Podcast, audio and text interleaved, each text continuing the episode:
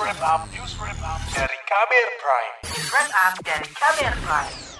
Presiden Joko Widodo siang tadi kembali merombak jajaran menteri atau meresafel susunan Kabinet Indonesia Maju. Kali ini ketujuh Jokowi meresafel kabinet sejak periode pertama masa pemerintahannya yang dimulai sejak 2014. Kali ini menteri yang dirotasi adalah Menteri Agraria dan Tata Ruang Badan Pertanahan Nasional ATR BPN dari Sofyan Jalil diganti Hadi Cahyanto. Hadi adalah bekas Panglima TNI. Kemudian Menteri Perdagangan yang sebelumnya dijabat Muhammad Lutfi kini diisi Zulkifli Hasan, Ketua Umum Partai Amanat Nasional PAN. Sebelum saya mengambil sumpah berkenaan dengan pengangkatan saudara-saudara sebagai Menteri Negara dan Wakil Menteri Negara Kabinet Indonesia Maju dalam sisa masa jabatan periode tahun 2019-2024, terlebih dahulu saya akan bertanya kepada saudara-saudara, bersediakah saudara-saudara untuk diambil sumpah menurut agama masing-masing?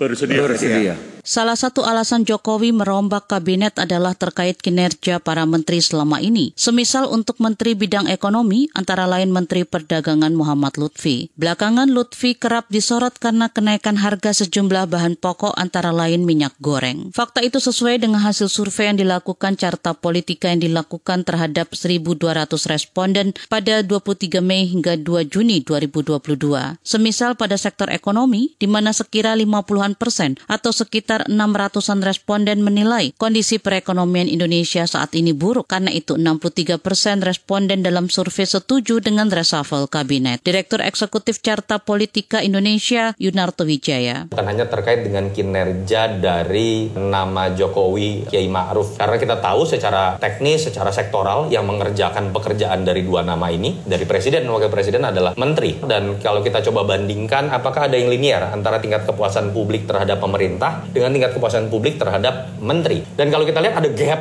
yang bisa dikatakan cukup besar ya. Ketika tadi kita melihat ada sekitar 68% orang merasa puas dengan kinerja pemerintahan Jokowi Ma'ruf. Yunarto menyebut sekitar 600-an responden tidak puas dengan kinerja para menteri yang menjalankan tugas-tugas pemerintahan di berbagai sektor. Meskipun hasil survei menunjukkan penilaian kondisi bidang ekonomi pada bulan Juni 2022 lebih baik dari periode survei sebelumnya pada April 2022. Padahal menteri kita tahu adalah orang-orang yang memang dianggap dan memang secara operasional menjalankan tugas-tugas pemerintahan tersebut. Sementara itu, manajer riset Sekretariat Nasional Forum Indonesia untuk Transparansi Anggaran Setnas Fitra, Badiul Hadi mendorong Presiden Joko Widodo mengevaluasi secara total kinerja menteri-menteri yang mengurusi sektor pangan. Itu karena banyaknya masalah di sektor pangan, mulai dari kelangkaan dan mahalnya minyak goreng hingga kenaikan harga cabai. Badiul Hadi menilai anggaran pemerintah untuk program ketahanan ketahanan pangan pada tahun ini masih terlalu kecil, yakni lebih dari 76 triliun rupiah. Selain kecil, efektivitas dan keakuratan penggunaan anggaran juga masih menjadi persoalan. Kata dia, berbagai macam persoalan di sektor pangan bakal terus terjadi selama tata kelola anggaran pemerintah masih buruk seperti saat ini. Baik ada Kementerian Pertanian, Perdagangan, Perindustrian, Kementerian UMKM, dan, dan yang lainnya. Banyak lah ya kementerian-kementerian yang menopang sektor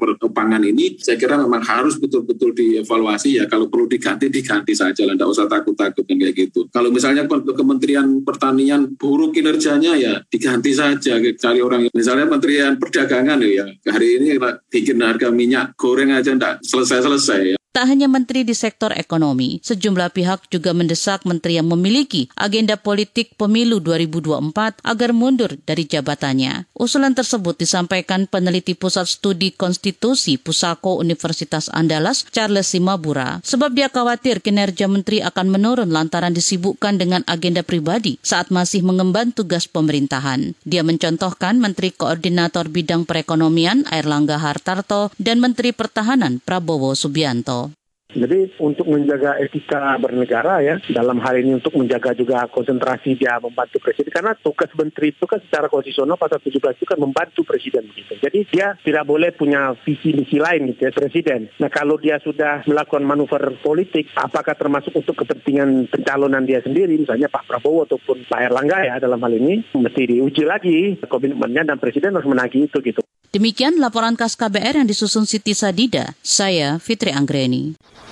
Kamu baru saja mendengarkan news wrap up dari Kabel Prime. Dengarkan terus kbrprime.id, podcast for curious mind.